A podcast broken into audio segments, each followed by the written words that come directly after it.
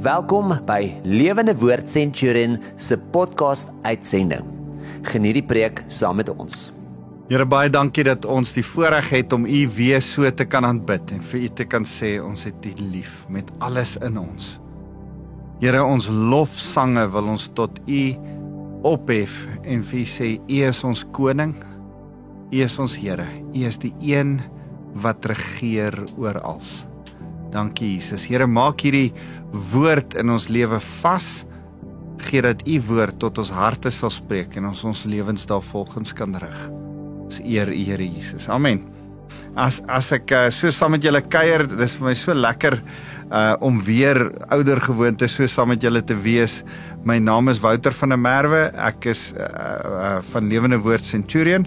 En onthou tog jy kan met my kontak maak by wouter@lewendewoord.co.za. En ek wil so vandag saam met jou praat oor die die een woord, hierdie groot woord tevrede. Ek wil met jou praat oor die woord tevrede. Is jy tevrede? Eindelik wat ek jou wil vra is, hoeveel is genoeg? Het jy genoeg? Wil jy meer hê? Uh as as Jesus met sy disippels oor finansies begin praat. Ek gaan dit nou vir julle lees en en en een van sy interessante gesprekke rondom finansies. Dan uh, kom dit daarop neer dat die Here met ons oor vergenoegd wil praat, oor om tevrede te wees met wat ons het. Maar 'n interessante statistiek is dat uh as hulle 68 lande meet se finansiële inkomste, dan is die nommer 1 land met 'n gemiddelde maandelikse, nie jaarliks nie, maandelikse inkomste uh vir wat elkeen uh, uh in 'n maand kry so 15 ehm um, 15 en 'n half uh, 15 en 'n half duisend dollar. Dit dit werk so op 310 000 rand 'n maand uit gemiddeld wat elke persoon 'n maand kry. Nou die die die slegste van die 68 lande wat hulle gemeet het, is Afghanistan. Afghanistan se gemiddelde maandelikse inkomste is 42 dollar. 840 rand. 840 rand is wat jy gemiddeld maak as jy in Afghanistan woon. Ek weet nie wat koop jy vir 840 rand nie. Ek dink Gelukkig is dit nie die gemiddeld in Suid-Afrika nie. Suid-Afrika lê so 48ste en ons gemiddelde maandelikse inkomste is R10740. R10740. Maar kyk wat is die verskil tussen R840 gemiddeld en R10740. Ehm um, en en dan moet jy eers besef. En en voordat ons begin praat, voordat ons dit wat die Here vir ons hier uit hierdie skrif uit wil kom wys, wil ek eers hierdie prentjie in jou kop vasmaak. Jy moet een ding besef. In hierdie wêreld is daar mense armer as jy, baie armer as jy. Jy is verseker een van die rykes. As jy in Suid-Afrika meer as 10740 rand verdien per maand, kry jy 'n bo gemiddelde inkomste as jy meer as R840 verdien per maand, dan verdien jy meer as wat enige iemand gemiddeld in Afghanistan verdien. Maar net so moet ons ook vir mekaar sê dat daar's iemand wat verseker armer as jy is. Jy is 'n ryke in iemand se oë. Jy jy dink dalk nie aan jouself as ryk nie. Tog as iemand anders dan jou kyk, jy het 'n kar of jy het 'n huis of jy het meer as een paar skoene of jy eet uh, ten minste een of twee maaltye 'n dag. Jy kan vleis eet. Um, kyk mense na jou en dink "Jo, daai persoon is so ryk." Uh aan die ander kant van die spektrum wil ek ook vir jou sê, jy is iemand se arme. As jy dink in Monaco is die gemiddelde maandelikse inkomste 310 000 rand. 310 000 rand is verskriklik baie geld vir, volgens my. Miskien verdien jy meer, wel dan jy definitief baie ryker as ek. Uh en dan is jy ryker as die gemiddelde ou in Monaco, maar as jy nie 310 000 rand per maand verdien nie, dan is jy vir die klomp in Monaco is ek en jy sommer net maar armes. Hulle kyk na ons en dink ons is arm. Dis die gemiddelde inkomste nê. Nee? Dit verstom my. Ek dink altyd wat doen hierdie mense dat hulle so baie geld verdien? En en en dan kom ek weer by hierdie vraag van hoeveel is genoeg? Hoeveel moet jy nou hê om nog steeds net aan die lewe te kan bly, bly en genoeg te kan hê? Of kom ek vra dit anderste, wat doen jy met 310 000 rand per maand? So so kom ons blaai na Matteus uh in Matteus hoofstuk 19. Matteus hoofstuk 19 het hierdie interessante beginsel. Die Here die Here sê hierdie interessante ding in Matteus hoofstuk 19 vers 30 dan sê hy die wat eerste is sal laaste wees en die wat laaste is sal eerste wees. En dan eindig hy die hele gedagte rondom uh, 'n uh, argument wat hy voer in vers 16 van hoofstuk 20. Dan sê nie dan dan begin hy nie die argument met wie eerste is sal laaste wees nie. Hy sê die wat laaste is sal eerste wees en die wat eerste is sal laaste wees. So hy hy draai die die sê ding om uh in in in hoofstuk 20 vers 16 en in hoofstuk 19 vers 30 dan sê hy die wat eerste is sal laaste wees. Maar hoekom sê hy dit? Want hy praat eintlik oor finansies. Hy praat eintlik oor wat agter finansies lê, die trots in 'n mens se hart. En en en ek wil vandag saam met jou oor dit gesels. Nou kom Jesus en uh in die lig van hoofstuk 18 vers 1. Ek lees vir jou hoofstuk 18 vers 1 en daardie tyd het die disippels na Jesus toe gekom met die vraag: Wie van ons sal die belangrikste wees in God se koninkryk? Nou hulle het verskillende maniere om dit te meet. Jesus het het het van hulle weggevat na die berg van verheerliking toe. Hy hy gee meer openbaring. Van hulle het hulle eie besighede gehad. Ander was ryker finansiëel. Matteus was dalk ryker as wat Johannes of of Jakobus was. Ander van hulle was meer geleerd weer as die res en daarom het hulle 'n gesprek oor wie die belangrikste is en as Jesus dit vir hulle verduidelik, roep hy 'n klein kindjie, laat hom tussen hulle staan en sê julle moet soos hierdie kind nederig word en dan begin hy oor nederigheid praat. Dan het hy 'n hele klomp goed oor autoriteit, nederigheid, stappe wat as jou trots jou tot 'n val bring. Hoe kan ons so 'n persoon terugwen? Daai woord terugwen in in Matteus 18 vers 15 is vir my so mooi. Dan begin hy oor oor in hoofstuk 19 ook verder met hierdie gedagte praat, maar dan in hoofstuk 19 vers 16 kom daar 'n ryk jong man na Jesus toe en sê leermeester, watter goeie ding moet ek doen om die ewige lewe te ontvang? En dan sê Jesus, man, wat is regtig goed? Jy vra my eintlik die verkeerde vraag en dan sê Jesus, man, gaan hou die gebooie. En dan sê die ou man, ek al hierdie gebooie het ek al gehou. Dan sê die Here, okay, gaan verkoop al jou goed en gee dit vir die armes. En dan dink hierdie persoon, dis net nog 'n gebod. Die Here is eintlik net besig om nog wette toe te tree. Die Here sê eintlik vir hom armoede gaan jou red. Dis wat hierdie ryk man by Jesus hoor en dis hoekom die skrif sê vers 22 toe die jong man dit hoor, het hy geskok weggegaan want hy het baie besittings gehad. Hy dink Jesus sê redding is om arm te wees. Maar ek wil daar vandag vir jou wys. Jesus sê nie dat redding lê in armoede nie. Om arm te wees beteken nie jy is geseën deur die Here nie. Net so min soos wat dit beteken dat as jy ryk is, dat as jy baie goed het, as jy 'n fancy kar en 'n mooi huis het, dat jy geseën is deur die Here. Dis nie wat dit beteken nie. Hoor mooi wat sê Jesus hier vers 23 van hoofstuk 19 sê Jesus het toe vir sy disippels gesê: Ek verseker julle, dis bitter moeilik vir 'n ryke om in God se koninkryk in te gaan. Ek wil dit beklemtoon. Dit is makliker vir 'n kameel om deur die naald se oog te gaan as wat dit vir 'n ryke is om in God se koninkryk in te gaan. Hoekom sê Jesus dit?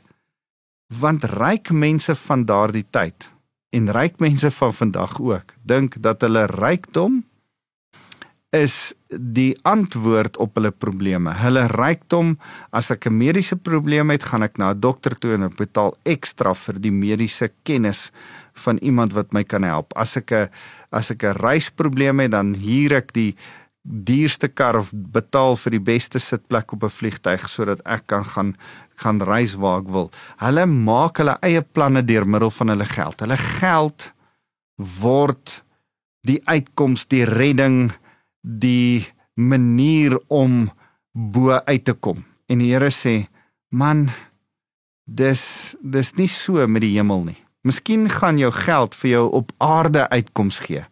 Miskien gaan geld op aarde vir jou welstand koop, maar definitief nie in die hemel nie. Jou geld kry jou nie in die hemel nie. En en en hoor nou wat gebeur.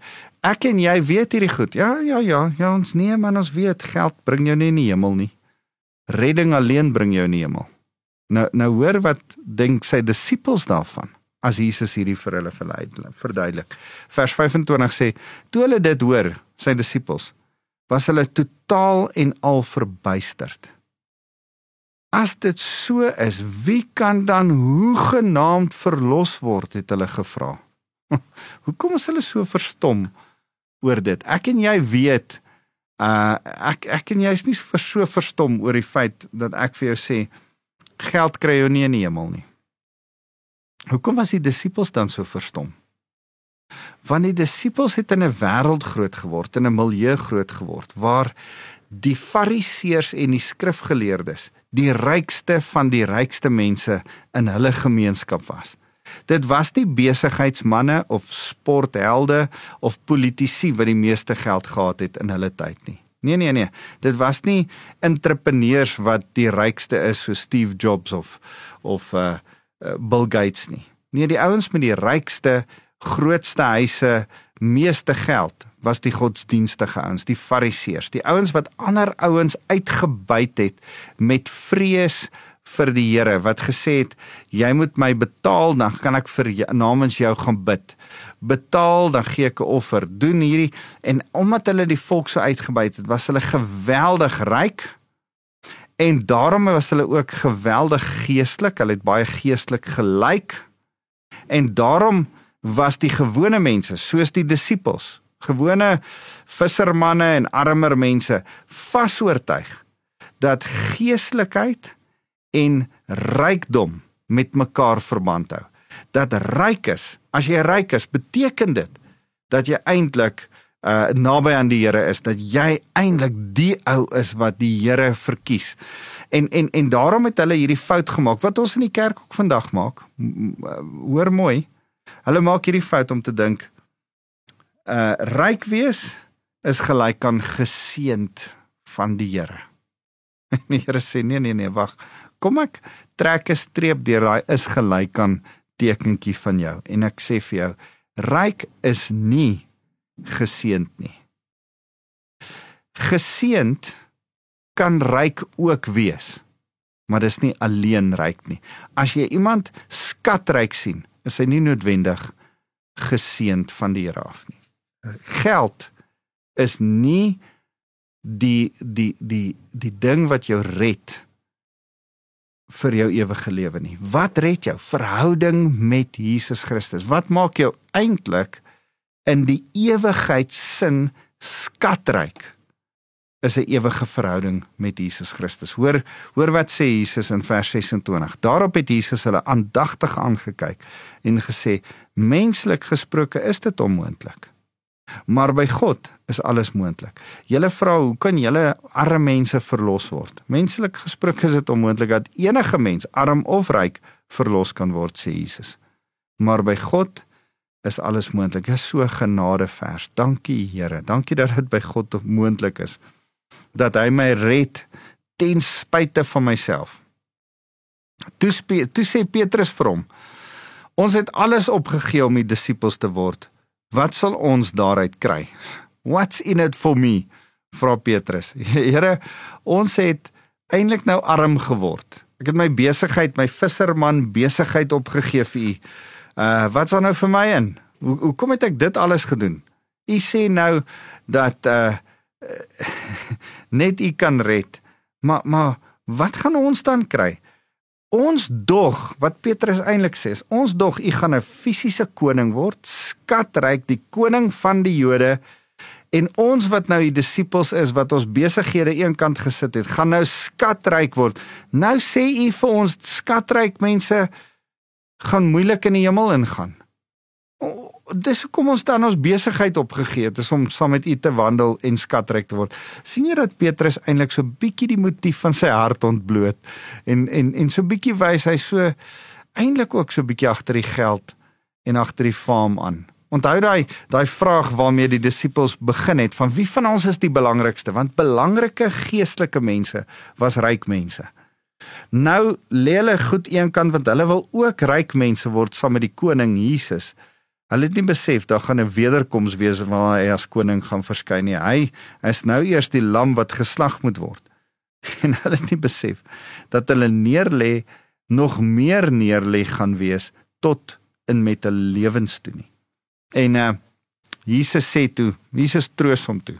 Jesus kyk toe na hom en sê: Ek verseker julle dat wanneer ek die seun van die mens, dis sy Messias titel, in God se nuwe wêreld op my heerlike troon sal sit, sal julle wat my gevolg het ook op 12 trone sit en julle sal regspreek oor die 12 stamme van Israel. Hy's besig om vir hulle te sê hier's 'n hier's 'n lewe na hierdie lewe waarin julle julle beloning gaan ont, ontvang, nie nou nie.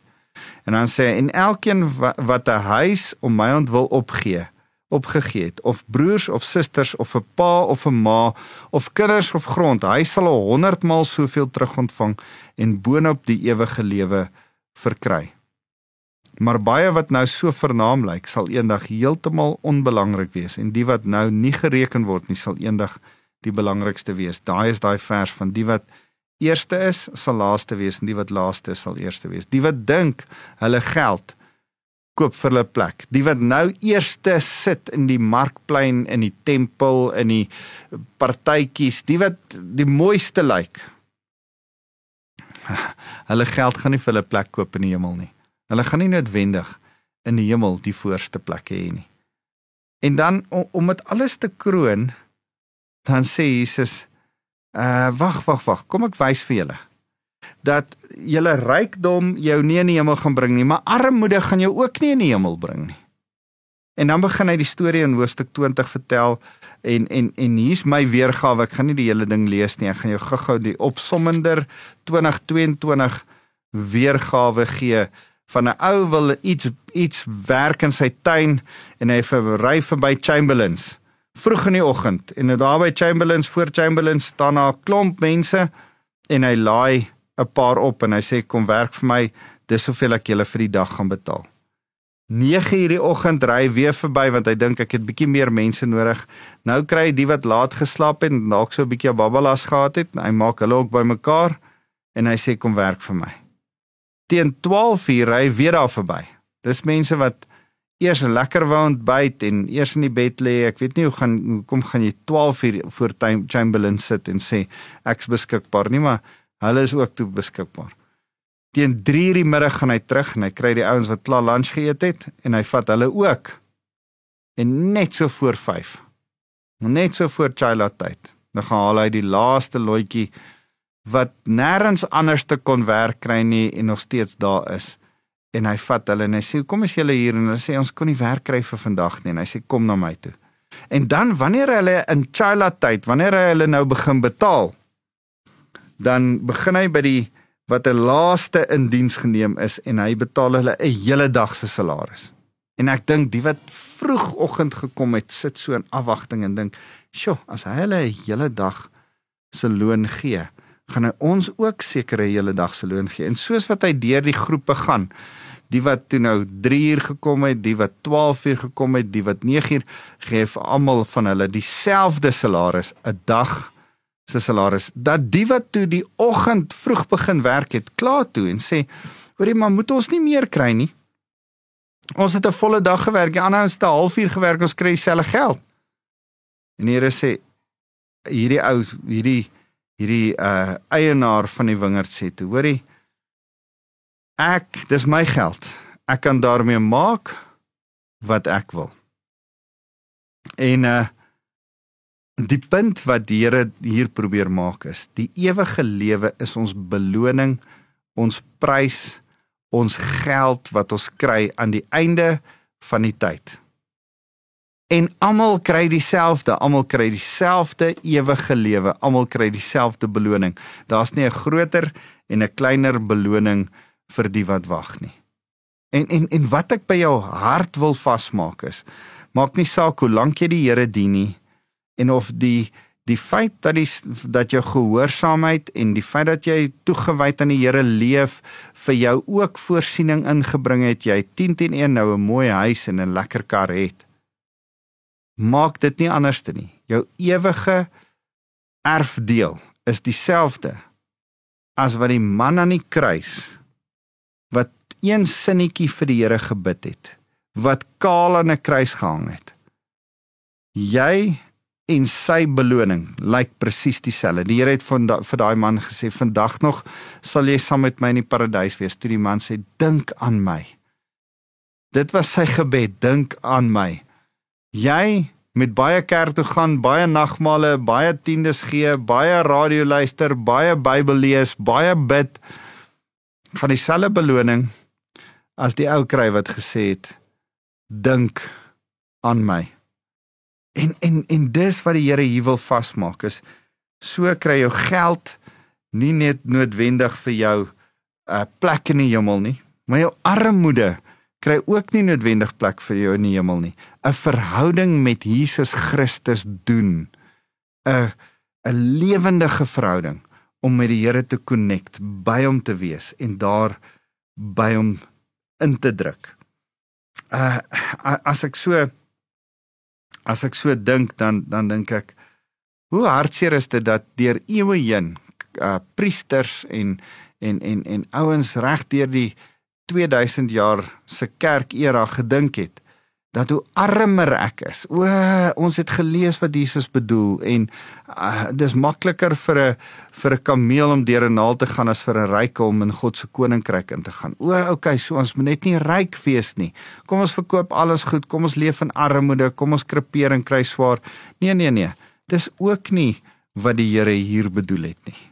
Die Here het bedoel toe hy met die ryk jong man praat, deel met die trots in jou hart. Deel met dit waarop jy staat maak dat dit jou redding is. En of dit nou rykdom is, dan moet jy daardeur deel. As dit armoede is, as jy vir jouself sê, ag, ten minste sal die Here my raak sien. Ek is 'n bietjie armer as die res van die mense en dit gaan nie met my so goed nie en, en die Here het gesê hy hy hy's hy's altyd regverdig en goed vir die armes. Nee, jou armoede gaan jou ook nie red nie.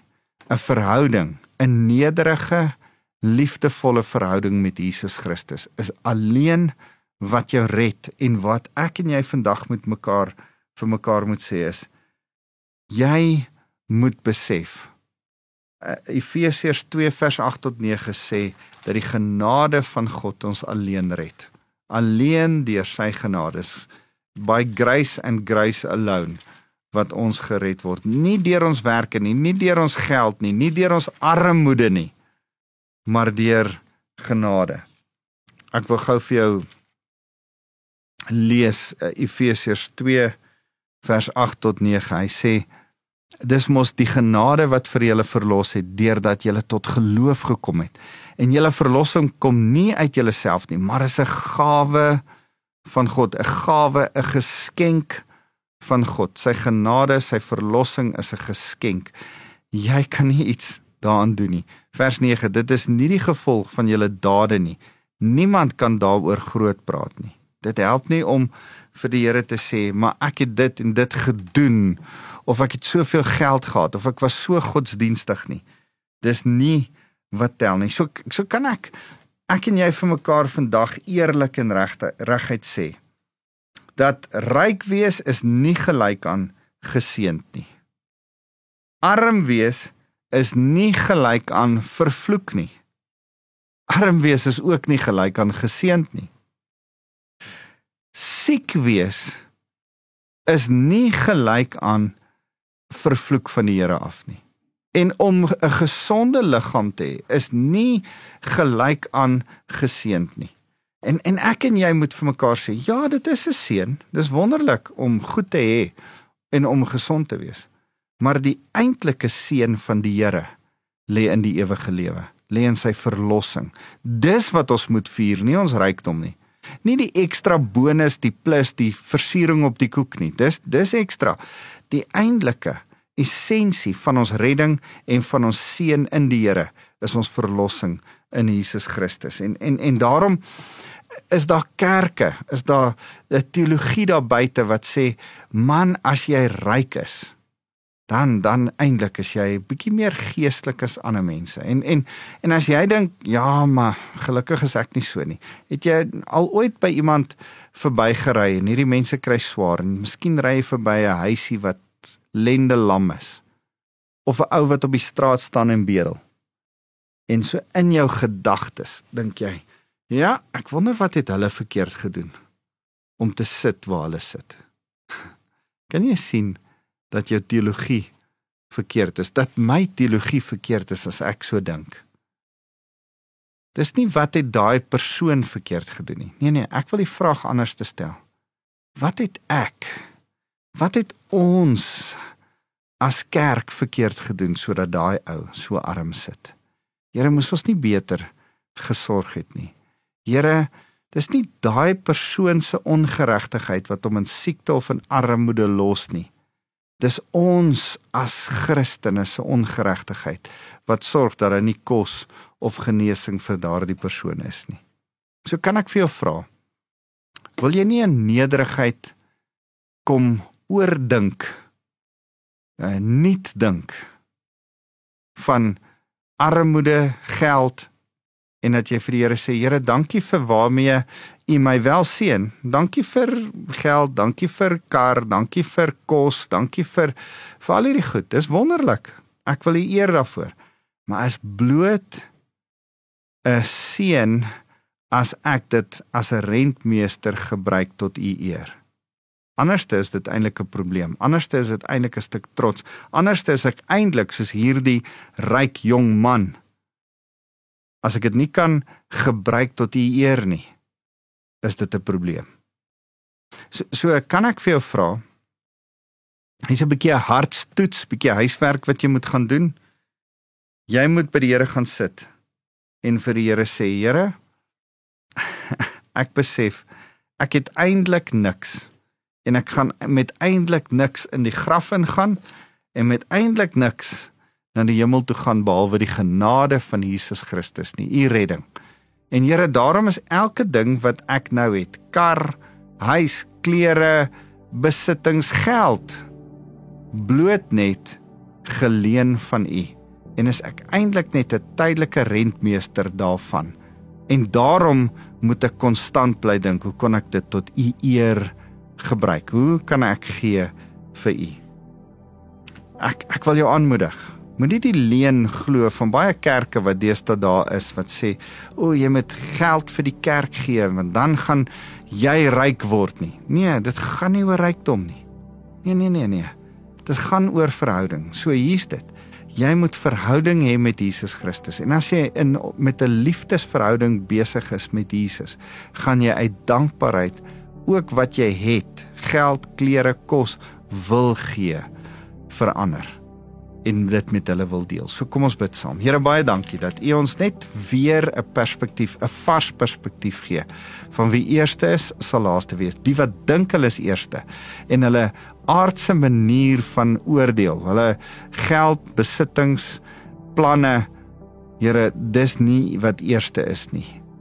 U plan van verlossing is eerste en daarom sal die eerste laaste wees en die laaste mense wat sukkel en wonder en en en en en op hierdie aarde nie um glamorous lyk nie. Here, hulle gaan eerste wees in die koninkryk want die geloof in hulle hart is wat U raak sien. Here, ons eer U vir dit. Dankie dat geloof verhouding is.